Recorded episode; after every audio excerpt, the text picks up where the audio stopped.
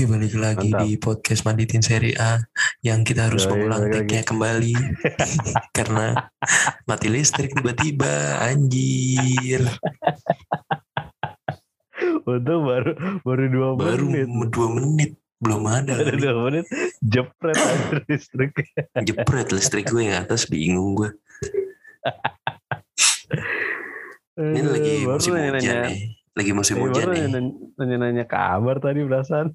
Iya Ada makanya ngomong sendiri aja gue. iya kabar kabar Mas Persta gimana baik Alhamdulillah baik kemarin ya ada ada sedikit inilah agak-agak masuk angin cuman mas, udah udah lumayan oke lah sekarang lah.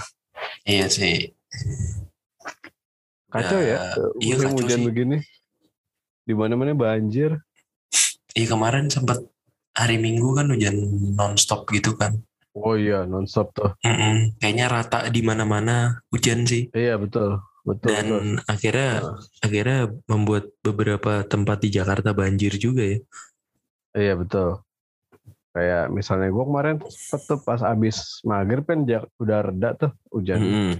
Gue ini Cabut. jalan- jalan-jalan gitu bosen kan di rumah dan jalan aja Nah, di, di apa di Kemang tuh udah banyak perahu tim sar tuh anjir.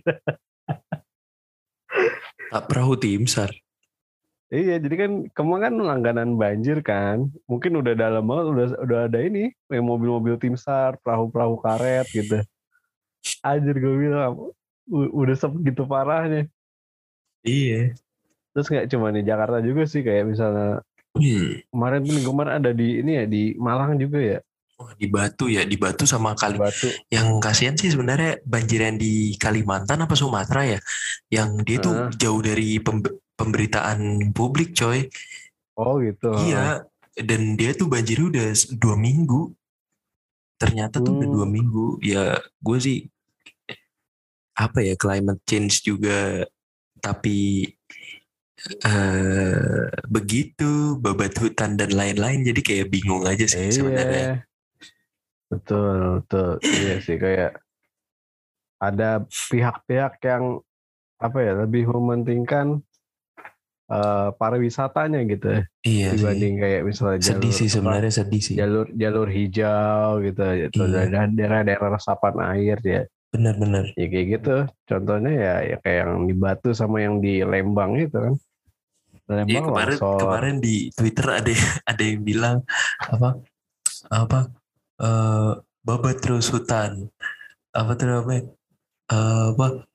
Eh, eh, gunung eh, apa? Ada gunung sedikit dijadiin kopi shop. Oh iya ada gunung di ada gunung di ada gunung sedikit dikit dijadiin ko- jadi coffee shop. bukit sedikit jadiin coffee shop. Iya sih menurut gua fenomena yang lumayan aneh juga ya. Mm-mm. bukan bermaksud ya mungkin untuk tujuan wisata bagus cuma apa ya kayak Cuma dipikir-pikir dulu. iya dipikir-pikir lah gitu Jangan cuman buat kayak apa istilahnya nambah nambah nambah pundi-pundi harta lah gitu untuk untuk itu semata gitu.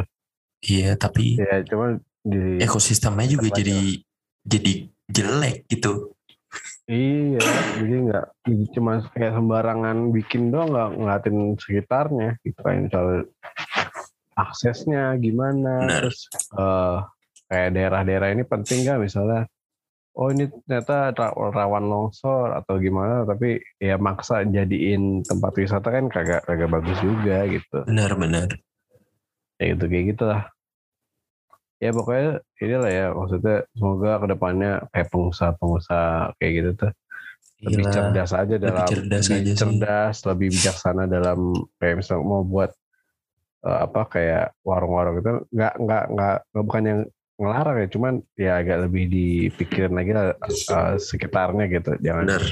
terlalu egois gitu pak. Ada berita-berita apa nih terkait dengan seri A? Seri A baru tadi pagi ada ini nih cukup cukup bikin ini juga sih bikin kaget juga. Katanya eh Fiorentina apa menerima tawaran dari Arsenal nih untuk Vlahovic dengan Oh iya, mahar Vlahovic ya. 8 80 juta Duh, euro. sedih banget sih kalau misalnya cabut ya Vlahovic ya Mm-mm. dan dia Ah, salah satu yang masih berpotensi bagus ke depannya gitu. Tapi Iya, ya betul. Fiorentina ya, dengan masuknya Italiano juga masih belum cukup untuk membantu dia merangsa ke papan atas juga sih sebenarnya. Ya, iya masih tentu eh, kayak Ya, pemilik tapi kan ini juga baru semusim butuh- ya. butuh- Italiano butuh juga uang. semusim juga belum Ah. ada gitu. Iya, iya betul sih. Cuman emang dari segi klub ya agak susah sih untuk menolak dana Bener. 80 Dana juta segar buat gitu satu ya. orang pemain eh, Mm-mm. gitu. Cuman balik lagi nih ke si Vlahovic dia katanya belum ada keinginan untuk pindah sih untuk sementara ini. Jadi kan itu tawarannya untuk ini transfer musim dingin, Iya. artinya di Januari gitu. Januari. Nah, atau nih si Vlahovic mau nuntasin musim ini dulu yang berarti dia tuh eh di musim depan tuh eh di transfer musim panas itu udah udah Gratis ya. free agent, udah Hmm. free agent. Karena kebetulan kan dia juga belum perpanjang kontrak kan. Iya dan sebenarnya udah mutusin nggak perpanjang kontrak di Fiorentina sih gitu.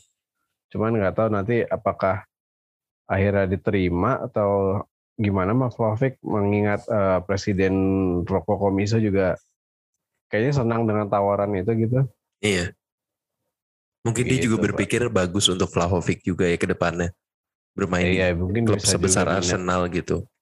Iya maksudnya di Liga Primer gitu. Hmm. Ya mungkin secara permainan eh, lebih lebih lebih cepat gitu atau gimana. Benar. Tapi menurut gua gua akan lebih senang Vlahovic tetap bermain di Iya, gue Italia juga setuju sih. Ter- ter- terlepas apa pun klubnya gitu. Iya, iya, iya. Karena apa ya gue yang Dan gua gue sih se- dari sebenarnya berharap dia tetap di Fiorentina ya, menuntaskan Hmm. hal-hal gini ya, eh, apa kayak ngelihat Batistuta deh, dia berapa tahun dulu gitu. Ah, ya sebenarnya dia betul. juga udah lama sih Vlahovic sih dari 2013 kan. Heeh. Iya Vlahovic dari 2013 eh ada di Fiorentina gitu, ada di squad Fiorentina gitu. Memang sudah lumayan lama, tapi namanya belum sebesar eh apa? Apa tuh namanya? Namanya belum sebesar Ba- Batistuta. Oh sorry, 2018 ternyata. Hmm. Dari 2018, Iya. tapi namanya ya belum sebesar Batistuta gitu. Gue sih berharap ataupun Luka Toni ya. Iya, Bat- Batistuta Lucatoni ataupun yang lainnya gitu. Rui Costa. Gue berharap sih Iya. dia bisa menorehkan namanya dulu gitu di Fiorentina gitu. Iya betul setuju sih kayak eh mungkin untuk pindah di Januari ini mungkin terlalu cepat ya. Kayak gitu sih. Iya, iya, iya, untuk pindah benar. di tengah musim biasanya sih biasanya biasanya sih akan ini ya kur- kurang bagus gitu. Karena harus nyesuaiin taktik baru di tengah musim kan eh, tanpa persiapan latihan yang eh, lama gitu. Jadi biasanya sih akan cenderung banyak banyak flop gitu kalau misalnya di, di transfer di tengah musimnya. Itu gue nggak kepengen itu terjadi sama Iya, Vlahovic Tapi se- sejauh ini yang berhasil transfer Tomiyasu ya. iya Tomiyasu betul. bermain gemilang banget bersama Arsenal sih. Di dan Iya. malahan sekarang jadi eh, dapat tempat utama gitu. Tomiyasu. iya betul karena permainannya yang lugas dan simple simple football gitu eh, buat buat semakin apa eh, Arteta senang aja gitu masang dia di sebelah kanan. Iya dan grafik Arsenal tuh juga jadi naik ya, jadi naik. Iya iya iya. Kedatangan Sekarang udah Tomiyasu dan Ramsdale peringkat- juga peringkat iya, berapa? Peringkat 6 ya, peringkat 6. lima sih. 5 ya? Iya. Apa 6 lah itu. lah. Lima kalau nggak salah Ya ya. gitu sih. Ya, ya gitu sih kayak eh lebih baik Vlahovic stay dulu lah. eh, Iya sih gue di- juga pengen stay dulu di aja lah. Fiorentina, di Fiorentina misal ya minimal sampai akhir musim lah. Mhm. Nah, terle- terlepas gitu ntar, ntar gimana ya berharapnya sih dia tetap main di Serie A karena kayaknya cocoknya di situ deh di maksudnya kayak pemain-pemain kayak Vlahovic itu kayak cocoknya tuh mainnya di Serie A aja Iya. yang eh, nggak terlalu banyak eh, lari-lari gitu nggak terlalu banyak lari-lari nggak terlalu banyak passing kayak Mhm. udah sat- satu op- operan satu dua shoot operan satu dua shoot gitu aja karena tekniknya tuh teknik syutingnya Vlahovic lumayan bagus. Bagus. Jadi sayang aja, sayang Iya, aja gitu. Terus- flop juga kalau misalnya dibawa ke liga lain Iya, iya. gitu pak. Benar-benar. Terus ada kabar mengejutkan dari eh, legenda AC Milan yang Oh, iya. menerima tawaran dari Genoa ya, Andriy Shevchenko Oh, iya. kembali untuk melatih. Shevchenko kembali. Nah, Iya, untuk melatih Kembali. tim Italia untuk pertama kalinya ya. untuk pertama kalinya dan ini adalah per- eh, ketiga kalinya Shevchenko tuh balik ke Serie A gitu. Iya, Setelah dulu ning- ninggalin Milan di 2006 untuk eh, bergabung dengan Chelsea terus akhirnya balik lagi ke Milan dengan status pinjaman di Benar. 2008 2009 kalau nggak salah. Nah itu sekarang balik lagi ke Serie A dengan status pelatih Genoa nih. Kira-kira menurut gimana Ri? Menil- eh, melihat Shevchenko itu eh, bagus tuh gitu di timnas Ukraina kemarin di pas eh, gelaran Euro ya. iya. Menurut gue sih menurut? bakal bakal bagus sih Shevchenko gitu. Karena Hmm. apa tuh namanya? Eh dia juga berangkat dari asisten pelatih dulu kan di tahun 2016 sama Ukraina timnas Ukraina gitu. Terus Ah. habis itu dia sempat eh, memutuskan untuk pergi ke jalur politik pada tahun 2012 ya sebenarnya ya. Tapi dia ke apa? eh gagal untuk kepilih pada tahun 2012 akhirnya dia mengambil kursus kepelatihan dulu sampai 2016 akhirnya dia bergabung bersama Ukraina menjadi tim eh, tim asisten pelatih gitu. Stand kelihatan nih. Mm-mm. Terus nggak lama tahun 2016 juga kebetulan dia ditunjuk jadi pelatih utama gitu. Butuh butuh waktu empat tahun untuk membangun Ukraina sampai kemarin tampil bagus di Euro sih. Jadi menurut gue sih eh, kayaknya sih Genoa akan jadi menarik ya musim ini dan gue berharap sih bisa bisa sabar ya Genoa untuk untuk apa tuh namanya untuk eh, membangun chemistry antar lini Ya. sama Andriy Shevchenko. Karena eh, yang nggak pemain Genoa kan nggak jelek-jelek banget ya. Kemarin ada eh apa strikernya juga berlimpah sih. Ada eh si Matteo ada Destro. si Destro juga kebetulan kan Ah, itu jadi ya sebenarnya sih not bad lah. Dan dari belakang sampai depan pun juga nggak jelek kan. Iya, bisa ada mantan terlalu jelek itu lah. ada gitu. Chris Kito, ada mantan pemain Oh. tim nasional semua itu. Iya. Ada Valon Berami juga di situ. Iya benar.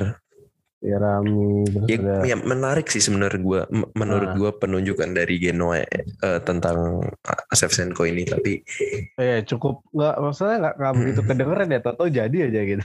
iya iya iya benar gue itu juga kaget sih. Ah.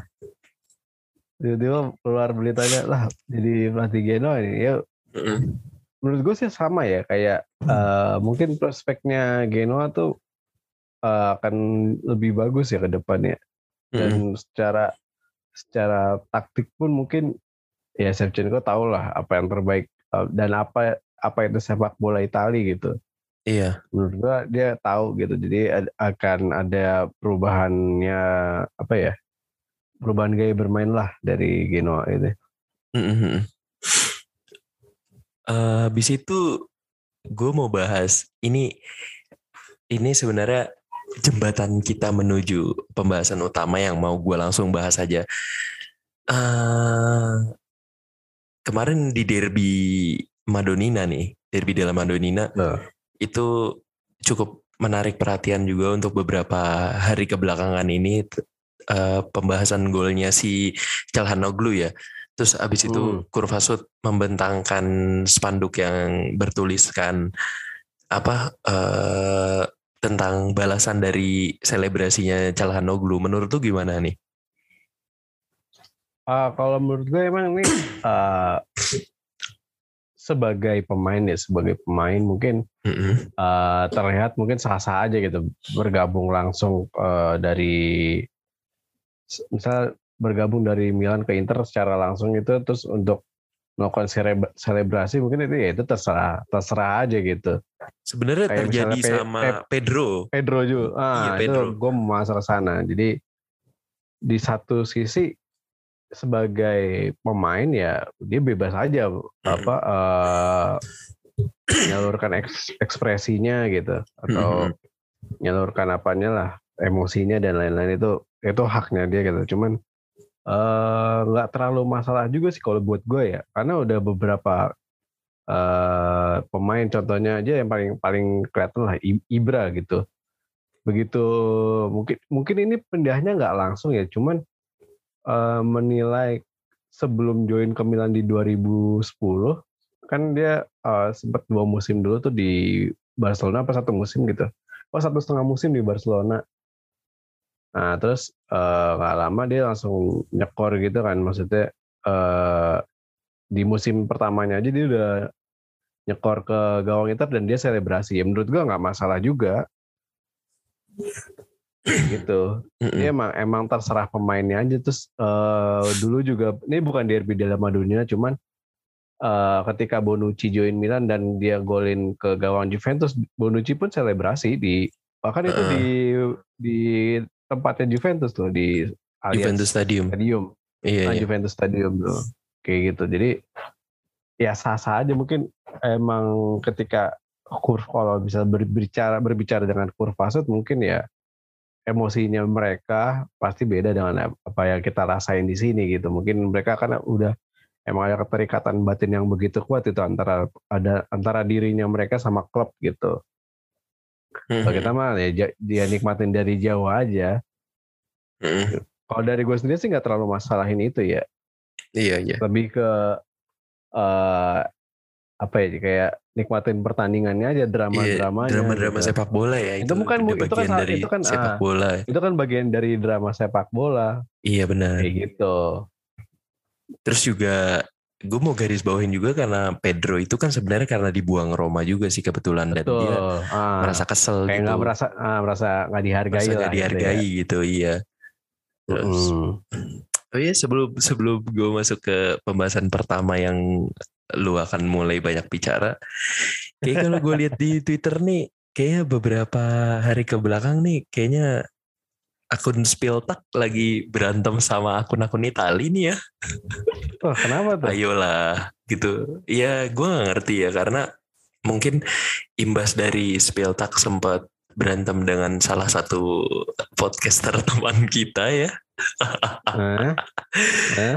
alhasil tadi dia apa eh ada ada ada replyan dari seri Alawas terus abis itu Oh, ah. hmm, dia melakukan sebuah sindiran gitu sih. Terus entah ke ditunjukkan ke fans siapa tapi yang yang ngebales itu sebenarnya fans eh apa eh, fans Milan gitu. Rossoneri Freak apa ya tadi ya? Kalau nggak salah gue lihat twitternya. Dia bilang kalau kita sih sebenarnya santai kita nggak masalah gitu. Kalau soal kalau soal sindir bukan sindir menyindir apa ya pokoknya ya intinya itulah.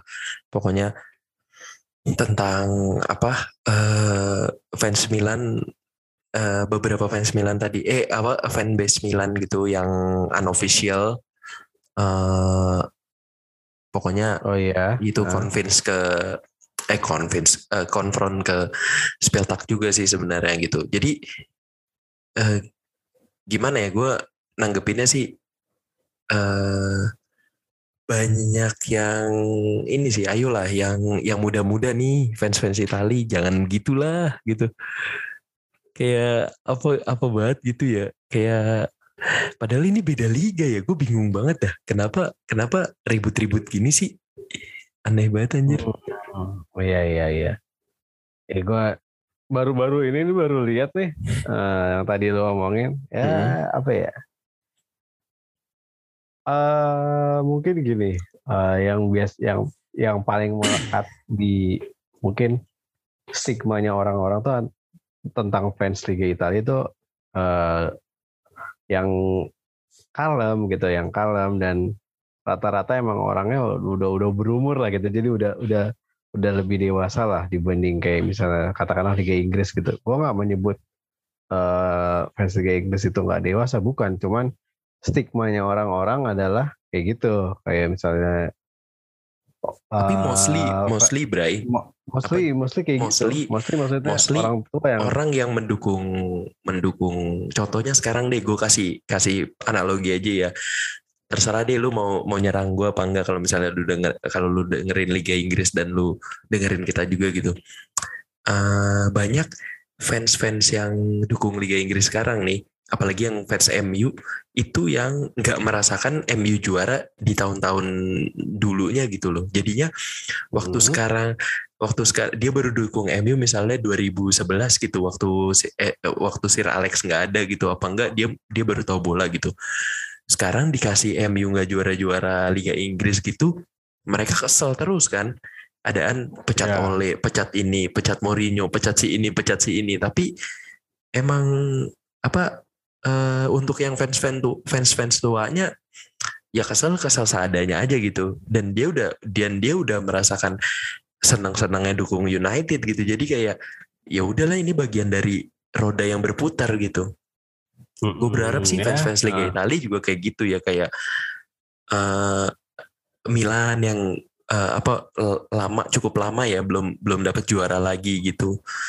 Terus juga ya apa gue berharap sih kayak apa fans-fans yang baru ini nih kayak ja- udahlah jangan ini jangan apa jangan jangan apa jangan ngebanter ya boleh ngebanter. Cuma ini kenapa jadi ribut-ribut gini gitu loh? Hmm, ya, ya gitu sih balik lagi ke gue sih sangat berpegang teguh, bukan berpegang teguh sih, sangat mengharapkan uh, fans Liga Italia itu yang ini, yang kalem, yang kalau ngebanter ya ngebanternya pakai data gitu, nggak cuman nggak cuman asal main, jeblak main aja senggol sana senggol sini gitu, Iya. betul betul betul, kayak Heeh, senggol heeh. sana senggol sini nggak pakai data, karena rata-rata ya gitu. eh apa pun eh bukan apa pun sih jadi karena emang udah sangat eh, berpengalaman ya katakanlah misalnya dari 2010 sampai eh dari 2011 lah katakanlah Hmm. dari 2011 sampai sekarang mungkin prestasi eh, tim tim dari Serie A tuh nggak nggak begitu mentereng gitu kalah dengan dari dengan Liga Spanyol, tim-tim Liga Liga Jerman, Inggris iya ah, Liga Inggris gitu katakanlah gitu. Jadi mungkin dari periode itu sangat jarang orang tuh yang eh, ngefans ke- terhadap eh, tim-tim dari Serie A gitu. Mungkin ada, cuman nggak sebanyak kayak misalnya orang yang baru lihat bola atau baru nonton bola di 2010, 2011, 2011 yang ketika Barcelona lagi jaya-jayanya atau Real Madrid yang sangat sangat dikdaya juga atau dari Bayern Munchen yang sangat dominan di seri eh di Serie A di Bundesliga Mm-mm. dan di Champions League ya mungkin fans-fans yang baru join nonton Serie A di medio 2010 sampai sekarang ya mungkin nggak nggak terlalu nikmatin apa itu Serie A di musim katakanlah di 2000 di 2000 sampai 2010 gitu ketika Mm-mm. uh, menurut gue itu sang, itu salah satu periode emasnya Serie A lah ya di 2000 di tahun 2000 sampai 2010 karena gue gue ada di situ gitu. Dia dan gue juga juga ada di Jadi situ dan dia bahkan waktu Calciopoli pun kita juga tahu gitu betapa Mm-mm. betapa kasihannya Juve ditinggal beberapa pemain pilarnya Pemainnya betul. gitu. Iya, Uh, uh, dan udah pasti merasakan ups and down dari beberapa beberapa kali lah gitu ups and down. Terus kayak misalnya ada ya banter-banter era di zaman-zaman itu ya ya emang terjadi di situ. Jadi kita Mhm. bahasnya pakai data gitu kalau misalnya kalau mau ngebanter iya benar. ya agak lebih dewasa aja gitu kalau jadi eh, menurut gue ya untuk jadi fans eh, tim-tim dari saya itu minimal harus dewasa lah Iya, iya sih harus bersikap dewasa bukan enggak bukan harus ber, eh, harus dewasa tapi lebih bersikap dewasa gitu Benar. Nih terakhir nih, sebelum kita masuk ke pembahasan match day kema eh, match day kemarin, eh, apa banteran yang paling lu kesel dari fans eh, fans liga lain ke orang yang ngefans Serie A apaan? Yang paling ah kayak gini mah udah nggak kena gitu. Ya itu liga aki-aki lah Anjir, sama lagi anjir. Sama banget lagi. Entah ya kenapa ya. jelas udah Iya. Ya jelas ya Nah. Liga Aki-Aki. Sekarang apa ya lu lihat aja dah Liga Liga Itali Liga Itali pun sekarang praktis yang cuma uh, udah profesional banget ngebangunnya dan punya stadion sendiri pun palingan cuma Juventus doang. Betul. Dan rataan umurnya aja uh, sekarang ya Juventus yang paling tua sih kalau menurut gue ya. Gue iya. gue lupa berapa rataan umurnya cuman dari yang gue denger itu paling tua Juventus dan itu nggak sampai 30 tiga, angka 30 gitu. Iya. Itu sa sangat uh, ini juga itu adalah uh, ceng-cengan yang pertama kali gue misalnya jadi uh, fans Serie gitu di tahun 2000 2006 lah yang pertama gue denger. Hmm. Karena di kala itu adalah uh, Milan itu juara Champions League dengan rataan umur yang paling tua di kompetisi itu sekitar 29 tahun lah. Iya. Nah, setahu gue sih selalu, Inter waktu selalu, 2010 juga tua deh. Banyak yang pemain tua ya, setahu gue yang Inter di ya, itu 2010. Ya, intinya adalah kayak pemain dari Liga Italia itu banyak yang dari pemain-pemain tua lah. Jadi ah Mil ah, Milan tua, Milan tua gitu. Misalnya gitu di apa klub klub orang tua gitu. Ya itu sih yang dulu. Gak sih, gue gue keselnya gitu. keselnya karena apa ndak? Karena mereka tuh belum nonton Liga Italia yang sekarang gitu. Betul. Rata-rata mereka gitu. ngomong Liga Cuman Pak, lu lihat dulu sekarang doang. gimana, iya lu lihat dulu iya, sekarang gimana Liga Italia gitu kayak doang. gimana, iya. Menarik tapi memang memang nggak jelas sih, memang secara taktik dan lain-lain juga nggak nggak begitu ini, nggak begitu masih ngacak lah gitu kayak yang sering Coach Justin bilang lah, pokoknya bisa nyerang bareng-bareng terus ntar bertahan sisa berapa orang gitu-gitu tapi bagi kita itu ya udah itu Liga Italia yang kita suka aja gitu Iya itu kan itu kan cuma selera aja, cuma preferensi orang, aja kan. Nah, preferensi orang gimana gimana. Ya kalau misalnya ada ada yang suka sepak bola dengan possession ya monggo. Kita kita mau nggak gue nggak ngelarang gitu. Lo mau nah. suka sepak bola yang lebih kick and rush atau uh, gegen press, gegen pressing gitu. Ya nggak nggak nggak masalah, nggak masalah. Buat gue juga nggak masalah. Ya mungkin seleranya aja. Kalau seleranya gua atau selera lo ya ya tohnya di or, di tim-tim yang main di Serie A gitu aja. Iya sih. Preferensi Benar. aja. Preferensi gitu. aja sih. Gitu Pak. Jadi kayak misalnya ceng-cengan kayak liga lambat, liga apa liga nggak jelas ya mm-hmm. minimal nonton dulu deh minimal nonton dulu saat ya seminggu atau sebulan lah lu nonton beberapa pertandingan dari yang tim-tim tim-tim yang peringkat bawah sampai yang tim peringkat atas barulah habis itu bisa agak ya tau lah pasti punya bayangan kan gimana seri A yang sekarang gitu dibanding seri A yang tahun ya, 2000-an awal yang masih menurut gue itu ya uh, ya masih monoton aja gitu karena masih gitu-gitu aja. Sekarang kan taktik udah pasti lebih modern dan banyak pelatih pelatih dari luar negeri Italia juga yang masuk ke Serie A. Yes, true. Jadi, benar, benar, benar. Jadi mungkin akan lebih variatif gitu. Kalau lebih sekarang lebih modern dan lebih menarik untuk ditonton. Benar. Gitu, Pak.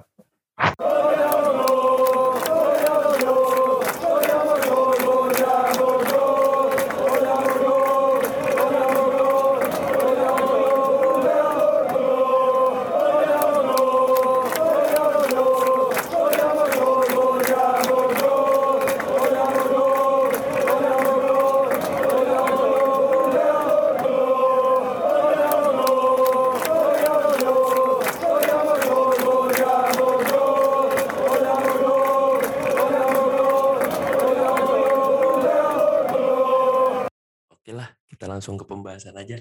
AC Milan Inter. Gokil. Oke, ah. banyak banyak ini ya, banyak apa? Banyak intrik-intrik yang terjadi ya sebenarnya. Betul, Pak. Banyak drama yang terjadi. Termasuk Tapi kalau misalnya apa ya? Termasuk ah, penalti uh, yang pertama gitu. Ah, betul.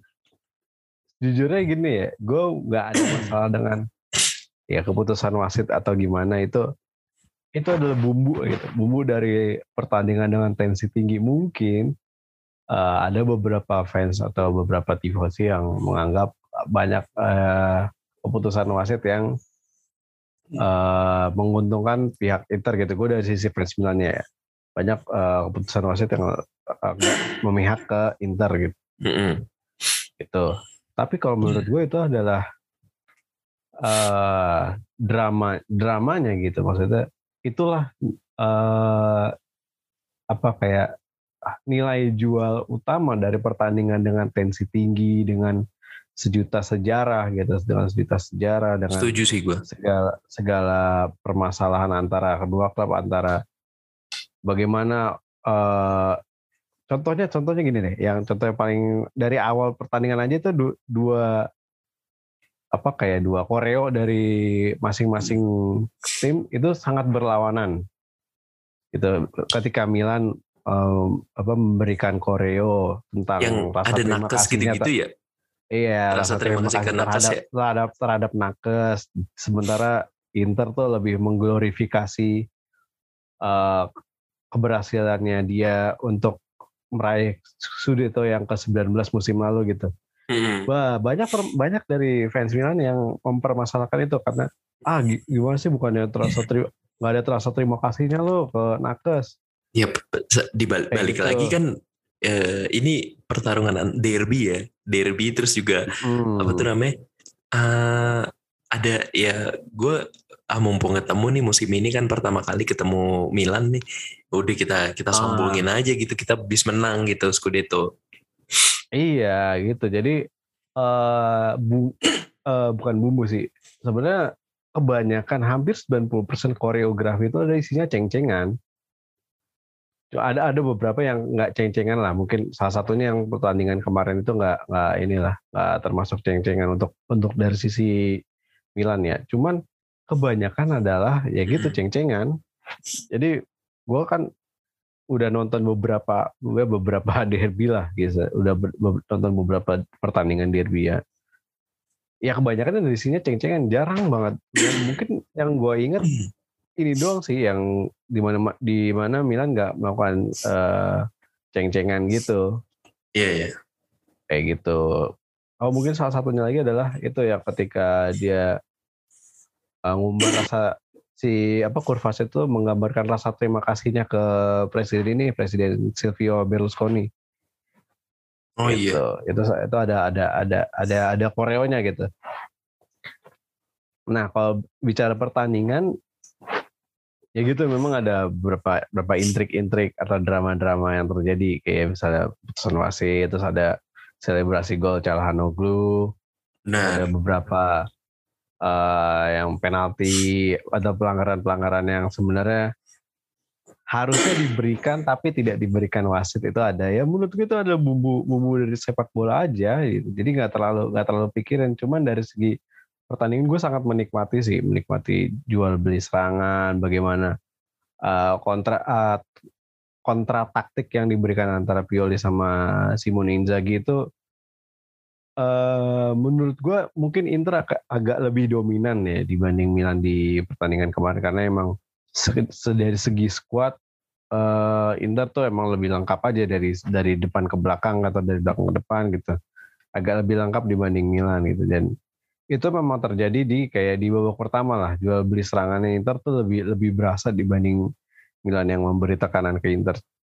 Milan itu baru berani nekan Inter itu di sekitar 15 menit terakhir pertandingan. Iya. Gitu. soalnya gue lihat di highlights juga banyakan shootnya Inter ya kebanyakan ya. Banyak-banyak peluang banget sih Inter sih sebenarnya. Iya, dari highlightnya iya, dari highlight iya Inter itu lebih lebih eh eh, istilahnya ini lah expected goalsnya Inter tuh lebih banyak kemarin dibanding Milan karena ya Milan tuh kebanyakan tuh terkait dengan percobaan atau gimana gimana gitu. Mhm.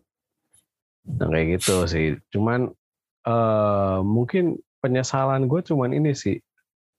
Ada, ada rasa nyesalnya juga gue nonton pertandingan itu adalah jadwalnya pak. Hampir jam 3 pagi. Ya karena ini kan apa tuh namanya Mi- apa Inter Inter habis main di UCL kebetulan. Terus juga AC Milan AC Milan Hasilnya juga main kan. AC Milan main di UCL juga. juga kan. Meskipun kayaknya sudah berat ya untuk lolos ya. Nah, ya udah, gue sih yang nggak nggak ini lah. Dari awal gue udah pernah bilang di podcast ini juga. Gue Oh, iya, iya. sama sekali gak berharap, gak ada harapan gitu. Menurut gue Milan bakal lolos grup kayaknya enggak deh menurut gue. Mm-mm. Gue udah bilang waktu itu. Jadi itu eh satu apa ya satu satu titik gue nggak ya apa nggak mengharapkan apa-apa masuk di UCL aja udah bagus gitu Iya, kalau menurut gue dengan tim Milan yang sekarang gitu dapat duit. ya yang penting yang penting masuk dulu aja gitu Mm-mm. dan nah ya itu jadwalnya apa jamnya gue emang gue setelah nonton jam-jam itu jam-jam derby jam-jam- Iska mengganggu banget sih. Palingan Setuju, derby setuju. Roma Kayak- doang yang masih bersahabat kemarin. Iya jam-jam big match itu selalu sekitar ya di sini jatuhnya dini hari gitu. Gue seharian masuk angin, kayak berasa masuk angin itu kemarin. Lu jam berarti itu. ma- jam 3 ya? Iya jam 2.45 kick off. Jam 2.45, Kelarnya subuh lewat ya? Lara subuh, Lara subuh lewat, terus gue baru tidur se- sejam, oh, udah bangun lagi. udah tuh seharian gua rasanya gak enak buat badan itu, aduh. Iya. penyesalan Iya gue itu doang sih. Jadi eh, tapi untuk pertandingan gue nikmati dan eh, ya sangat sangat merindukan sebenarnya derby dengan penonton full yang kayak gitu. Iya sih. Karena udah ada penonton kan sekarang musim ini. Jadi Iya iya iya. Berasa derbynya tuh lebih lebih berasa dibanding Lebih berasa ya. tahun belakangan itu dari semenjak kayak misalnya nggak ada penonton gitu pak. eh apa? Terus gue juga mau bahas kekalahannya Roma nih. Aduh, gue udah Roma. Roma kenapa ya? Gue bingung banget ya. Mourinho Aduh, juga bos. apa ya? Aneh banget sih Mourinho, sumpah. Lu mendingan jadi pandit aja deh tuh orang. Gila gila pak. sempat unggul cepet lewat golnya Mattia Caldara ya di menit Oh, 3. iya. Itu juga Iya. apa tuh dia tiba-tiba julurin kaki aja gitu. Iya menurut gue di golin iya. Caldara tuh udah udah hina sih menurut gue ya. iya iya iya sih. terus sempat eh, terus unggul cepet langsung dua gol di babak pertama golnya Somurodov sama Temi Abraham Temi Abraham.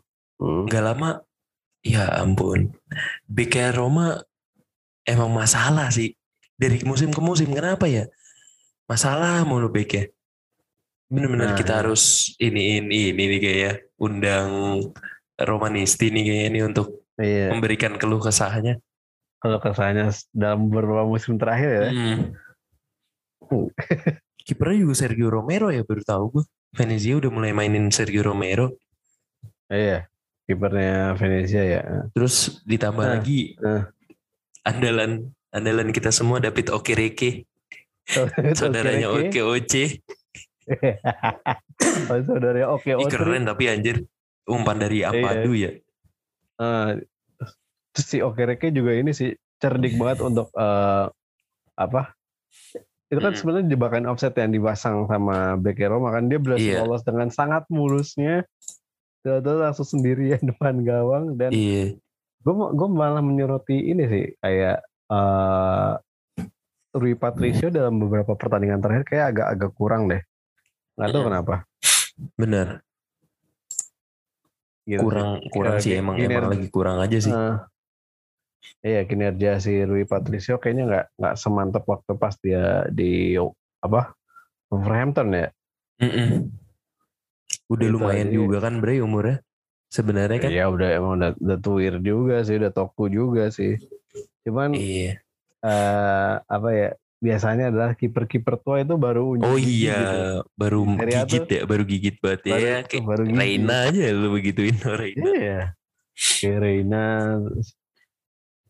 Ya gitu-gitu lah. Iya, Kayak Buffon. Mirante, De Iya. Mirante. Bahkan Mirante Santos aja mau sama- direkrut sama siapa sih ya kemarin ya? Udah udah direkrut Milan, Pak. Udah Oh direkrut iya, Milan. udah direkrut Milan. Iya. Nah, kemarin tapi yang yang yang ngelamatin si Tataru Sano kan? Iya, jadi sebenarnya mainan eh mainan si siapa? Siapa tadi? Siapa? ya? Itulah. Mirante. Ya Mirante itu adalah backup kan backupan ketiga Karena Oh. si kiper utamanya Milan kan lagi cedera panjang, mungkin sampai bulan Desember gitu. Oh iya setelah yang kemarin itu ya.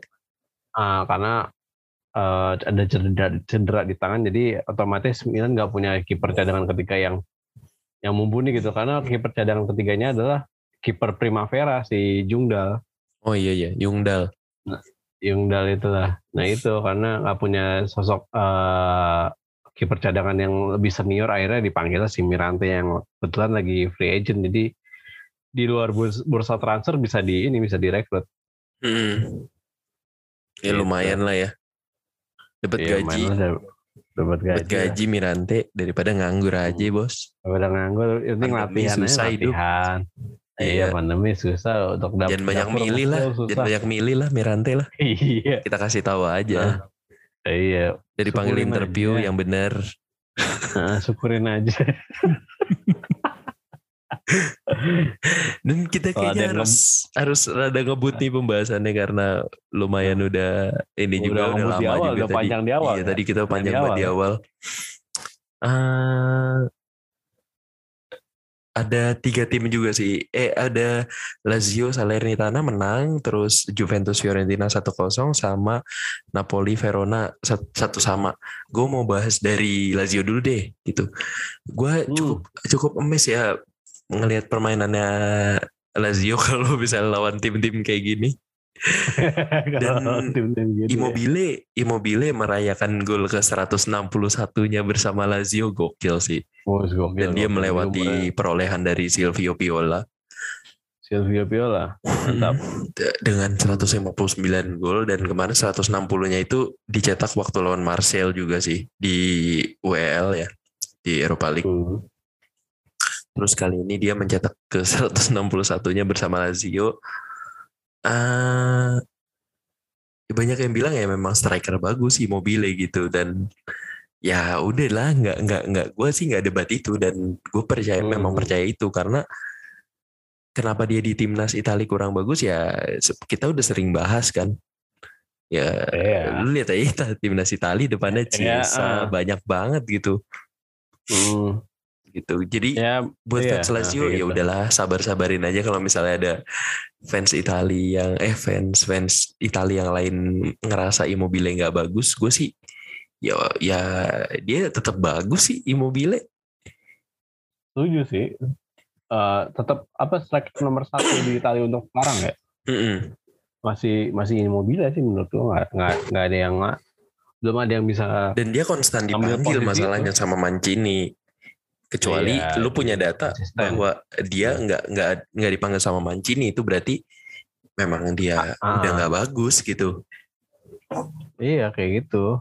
Dan emang secara rentetan golnya mungkin ah, ah, di timnas tuh agak seret ya, tapi di di liga nggak ada ngalahin Ciro dalam beberapa tahun terakhir sih. Khususnya orang-orang misalnya ini lah eh, pemain Italia aslinya gitu, nggak ada yang belum melewatin Ciro. Mm-mm. Kan Belotti pun sekarang lagi udah agak-agak turun kan, iya gitu pak. Terus golnya Pedro juga bagus banget sih. Pedro sih Oh iya Aduh. blessing in disguise sih sebenarnya buat Lazio sih. Mm-mm. Apa ya beli gratis tapi performanya oke dan kepake juga sama si Sari gitu. Terus Iya. ditambah gol terakhir dari Luis Alberto yang keren banget juga sih. Gue berharap Iya, Luis yang Alberto nggak ya. dijual sih, iya. Karena ada rumor-rumornya dia pengen dijual di musim dingin ini sih. Gue, aduh Iya, enggak ah. sih, kayaknya jangan jangan dijual deh. Tapi dulu gimana ya. ya? Iya, tapi gimana dia juga kadang-kadang juga ganti-gantian kan sekarang posisinya. Iya, se- semenjak dipegang Sari ya. Ya semenjak dipegang Sari dia ya otomatis ganti-gantian sama Cataldi atau enggak sama uh, Safik atau sama uh, Akpro, Apa Akpro Akro bangsat. yang pro.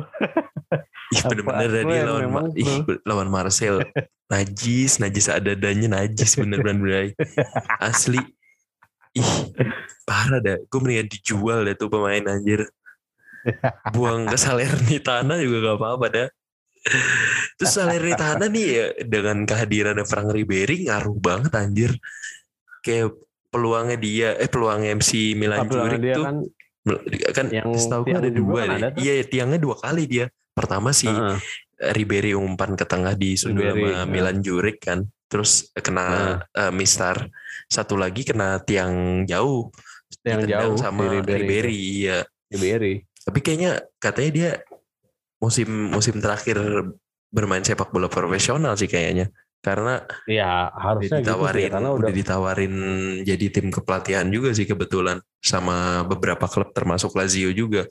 Karena Sari pengen ngebangun apa chemistry yang lebih kuat lagi untuk eh, apa tim eh apa untuk timnya dia gitu untuk divisi penyerangan dan Ribery kayaknya pantas buat mengisi eh, kursi kepelatihan itu gitu kursi ke- Hmm. ku- eh, asisten atau apa lagi tuh gua nggak tahu.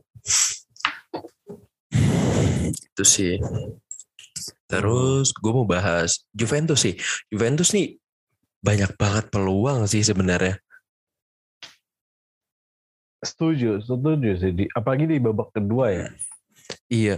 Gue Karena- ngeliat karena- mukanya Matt Nedved tuh asem banget Asli. Kayak- Asli kayaknya dari, ada dari, yang dari beberapa pertandingan Iya, terakhir sih. kayak gitu. kasihan banget sih Nedved sebenarnya Nah, apa ya sebenarnya yang salah dari Juventus tuh apa ya kayak ini juga banyak peluang dia dari si Dybala dari wah banyak sih depan-depannya Ciesa juga terakhir juga ngasih sempat ngasih eh, apa tembakan juga dari luar kotak penalti terus si apa kipernya Fiorentina juga lumayan lagi bagus-bagus ya tuh setelah Hmm. sempat apa sih Terasiano nih blunder di awal-awal babak pertama tuh yang diambil sama iya, Dybala iya, iya. tapi gak Betul, masuk kan. Ah, Heeh. itu ya ini banget sih sayang aja gitu iya. Hmm.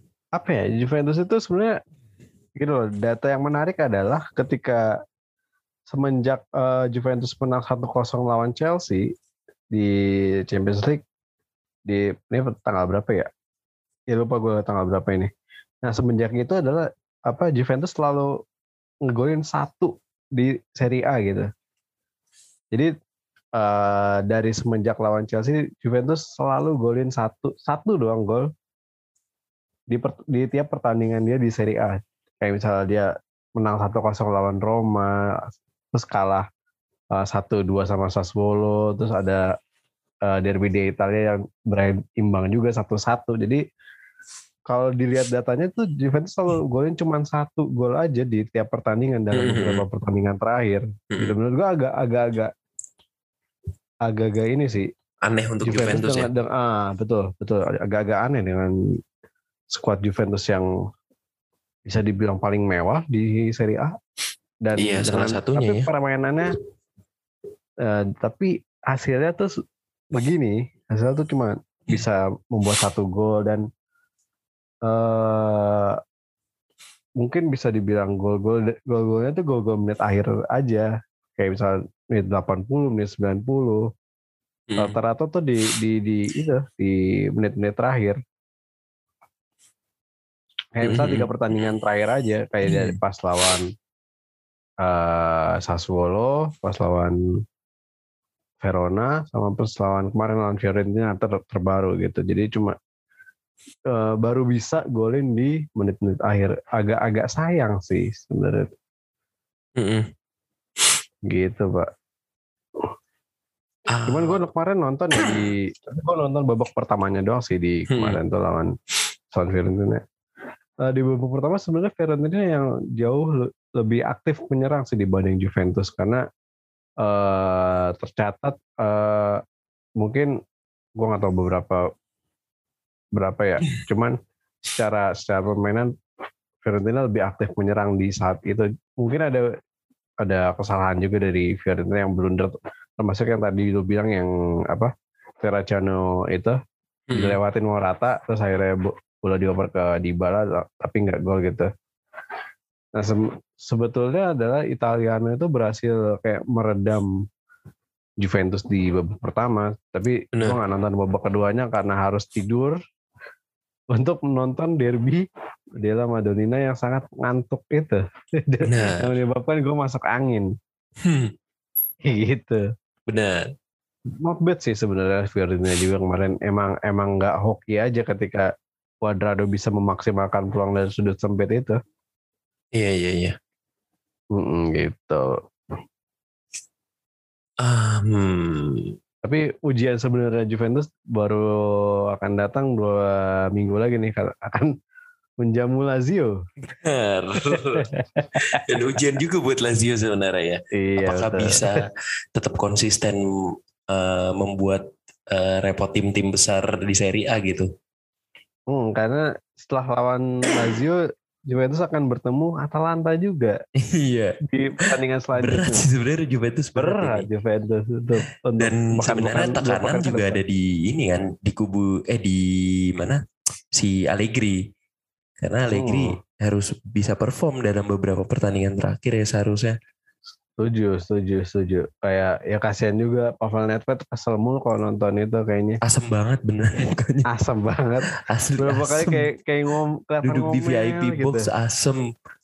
Iya, Anjir nih jangan sampai gue yang turun nih gitu. Dia bilang kayak gitu iya dia kayak di gitu, dalam otaknya kayak ya. gitu. Ah, mungkin kayak gitu nih. Main gitu aja nggak bisa anjir. Masa gue harus turun dari Hmm. pensiun untuk untuk ngajarin lu, lu pada gitu. Iya. Iya iya iya. Kayaknya udah di dalam hati udah begitu, udah gondok banget sih. Udah gondok itu. banget sih. Heeh. Ya semoga ada inilah kayak Ada perubahan ada lah ya. perbaikan, ada perubahan lah ya, betul. Mm-mm. Terus Napoli yang lagi-lagi beruntung belum pernah kalah. Nih gue mau kasih kredit juga buat Giovanni Tudor ya, Tudor. Igor Tudor Oh, yang udah Igor- merubah Igor Tudor. banyak pemain apa banyak pemain Verona jadi punya mental yang bagus gitu. Terutama si Barak sih, Barak ngeri banget coy. Oh iya, Bar Emil Barak. Emil Barak siapa sih namanya? Kayak- Emil Barak, Antolin Barak anjir. Antolin Emil Barak, Barak, Emil. siapa anjir? Emil Dardak no gubernur. Eh, oh, Emil Dardak. Iya betul, Emil Dardak. anjir. Anjir, Emil Salah. Barak anjir. Itu kan nama Emil Dardak. Si Antolin Barak nih apa ya Antolin kayak Barak. aktor gol pertamanya aja dia bisa menipu back Napoli kan. Ah, Eh, terus akhirnya dia ngasih umpan umpan umpan cutback gitu ke tengah di langsung disamber sama Simeone Mas gitu. Simeone. Hmm, betul. Terus juga pergerakannya di lini sayap dan eh di lini sayap dan lumayan rada ke tengah juga sih kadang-kadang ngasih impact yang bagus juga sih buat apa buat eh, Verona gitu. Terus juga golnya juga cepet dibalas sama Di Lorenzo juga bagus banget sih golnya. Iya, setuju, setuju. Cuma gue menyayangkan dua kartu merah sih. Itu dua kartu merahnya menurut gue nggak penting sih untuk apalagi yang terakhir ya untuk Kalinik ya. Karena Kalinic ya. Gue ngelihatnya sih nggak ada intensi buat apa mencederai pemain Napoli gitu. Terus langsung straight card eh straight eh apa? Red Eh, card. enggak sih, enggak Straight straight, sih. card. Apa eh, langsung eh kartu kuning kedua sih jatuhnya kayaknya. Terus habis itu baru kartu merah. Tapi gue ngelihatnya nggak nggak ada intensi yang berbahaya sih dari dua pelanggarannya si Verona gitu. Hmm. Dan lumayan beruntung ya Napoli akhirnya masih be- belum belum terkalahkan juga pada musim ini. Iya. Masih menempel Kalau ketat Milan. Justru harusnya Milan yang menempel ketat Napoli Pak karena Oh iya. Napoli lebih lebih banyak golnya gitu. Jadi sebenarnya eh, minggu kemarin adalah kesempatan baik buat Milan kalau misalnya berhasil menang lawan Inter. Tapi Agar hasil gagal. eh, eh, hasil bermain imbang juga. Jadi tet- klasmen tetap di situ-situ Iya iya. gitu. Terus Ada ada laga Sampdoria Bolonya, Udinese Sassuolo, Cagliari Atalanta. Um, gue mau bahas dari Udinese Sassuolo dulu deh. Oh ini Sassuolo semenjak ditinggal sama De Zerbi jelek banget anjir backnya. Su- serius jelek Kacau ya? banget. A- Kacau ya? Wah. Kacau ya? Gol pertama diliatin doang. Si Deulofeu diliatin doang. Iya betul Terus betul. betul. Berardi golnya juga cakep sih. Cakep-cakep. Berardi sama Fratesi golnya cakep itu. Setuju. Tapi si Berardi juga gara-gara kesalahannya si Udinese juga kan. lini Hmm. belakangnya Udinese juga sih. Jadi sebenarnya sih apa banyak kesalahan dari dua tim sih, tapi yang lebih bisa memaksimalkan apa gol dan peluang sih sebenarnya Udinese gitu. Karena kan apa si Sassuolo udah unggul dua gol di babak pertama kan, akhirnya disamain lagi gara-gara bunuh dirinya Fratesi. Nggak lama akhirnya setelah halftime di apa tuh namanya digolin lagi sama si Beto gitu. Beto Yang bukan Goncalves, bukan Goncalves kan? ya, bukan. Persipura kan. oh iya. Enggak, sekarang udah di Persis Solo. Oh, iya. Lu lama banget. Kenapa flashbacknya jauh banget ke Persipura anjir. Bukan, bukan. masih Persipura doang aja. Terus juga ada kartu merah juga sih dari Makengo. Makengo. Iya, Karena pemain Udinese sekarang aneh-aneh ya. Apa gue Iya. telat kecap aja. Kayaknya aneh-aneh deh. iya. Eh, ada Isak sukses tuh. Isak sukses. Isak Ya, sukses. dari. Watford. Kisah sukses anjir, kisah sukses. Iya, Kisah sukses. Tapi nggak begitu sukses sih kayaknya karena main Hmm. di Udinese. Iya, iya. Sukses dia di Munchen. Benar. Terus Sampdoria kalah lagi nih. Aduh, gue gak ngerti lagi deh. Oh iya Sampdoria. Padahal Bang Sayang Quagliarella abis dibikinin ini sama Mola TV Iya. nih. Gimana dong? Aduh. Sampdoria. Tapi si Bolonya musim ini juga oke sih. Di bawahnya Udah Sinisa mulai- ya. Hmm, udah mulai ini lah ya. Udah menemukan ritmenya lah. Mm-mm. Ibaratnya.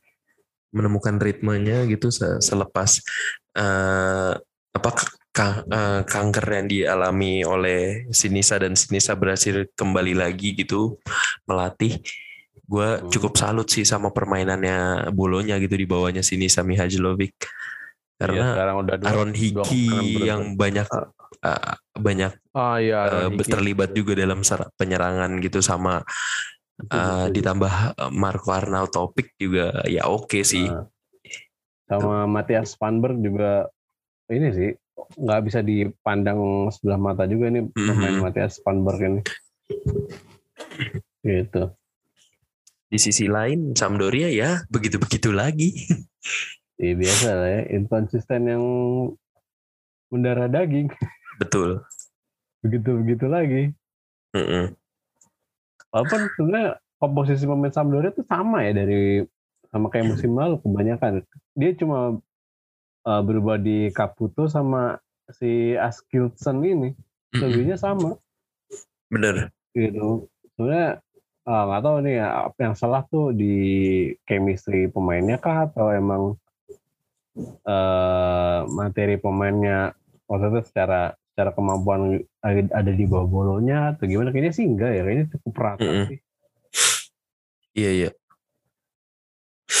gitu mungkin ada Eh, inilah mm-mm. Faktor non teknis Betul. Terus ada Cagliari Atalanta, Spezia Torino sama Empoli Genoa. Kemenangan lagi untuk Thiago Motta. Selamat Nah, selamat kepada Pak Tiago Mota Da- Thiago Motta nih. Aduh. Semangat ya. Pokoknya menjalani menjalani la- eh, apa Serie A yang sangat-sangat berat ini untuk Spezia dan Iya. menjauhkan diri dari Genoa sementara yang iya cuma bisa bermain seri dua-dua melawan Empoli dan Nah. membuat pelatih apa eh, eh, si Balardini dipecat ya dari ini dan digantikan oleh Andriy Shevchenko. Kan kok nah, Mm-mm. Ya udahlah Spezia mah begitu baik, iya gitu Spezia- aja gitu loh. saya kasihan juga Torino sih kalahnya lawan Spezia iya sih. Eh, Di Kesel saat dia bisa nahan imbang Juve, Iya, Indo Torino kemarin kesel tuh. Kenapa harus kalah sih sama Spezia? Karena sama Thiago Motta gitu. sama Thiago Motta lagi kalahnya. Bangke, bangke. Terus juga Genoa juga bermain seri dua-dua. Hmm. eh ya udahlah ya. Kita tinggal nunggu Kiprahnya Andriy Shevchenko aja ya, iya. Sama yang terakhir Atalanta Cagliari sih. Cagliari juga masih belum bisa meraih poin sempurna nih. Ya Walter Mazzarri Ya lawannya Atalanta juga sih ya. Ya lawannya Atalanta juga sih. Cuman ya itu Walter Mazzarri juga kayaknya masih belum bisa eh, meramu dengan baik skuad Cagliari karena masih tercecer di posisi juru kunci nih. Mhm. Mungkin secara poin sama sama eh nggak sama sih, cuman beda satu poin sama Salernitana, cuman dari segi eh, rekor pertandingan aja dia udah empat kali kalah beruntun, nggak nggak nggak baik lah gitu. Iya iya. gitu. Terus ya udah gitu aja sih palingan Napoli dan AC Milan masih eh berada di urutan pertama dan kedua dengan 32 poin dengan belum terkalahkan. Terus ketiga ada Inter yang selisihnya lumayan jauh ya. 25 Tujuh poin. Iya 7 poin. Terus ada Atalanta yang selisihnya 10 poin, ada Lazio yang selisihnya 11 poin dan Roma yang tidak usah ditanya lagi. Karena masih di, di peringkat 6 dengan 19 poin. Lalu ada Fiorentina di urutan 7, 18 dengan 18 poin sama kayak Juventus dan Bolonya di peringkat 8 dan peringkat 9. Lalu ada Verona dengan 16 poin. Gitu. Benar. 10 aja lah ya capek. Iya. Udahlah ya. Udahan lah. Nah, udah, udah ngantuk Udah juga. gua. lama kita. Iya. Udah lama. Ya udah dah. Lama di awal dan ngantuk. Udahlah segitu Ya. aja yang bisa kita Ya. sampaikan. Kurang lebihnya Ya. mohon maaf. Maaf. Tetap pantengin terus lebih Twitter. pantengin terus Twitter. Lanjutin Lanjutin seri A yang nggak A. update-update. Iya. Pokoknya pantengin Gitu aja dah. Eh, Adalah gue Fahri. Iya, gue Fahri cabut. Gue bisa cabut juga dah. Bye-bye. Eh.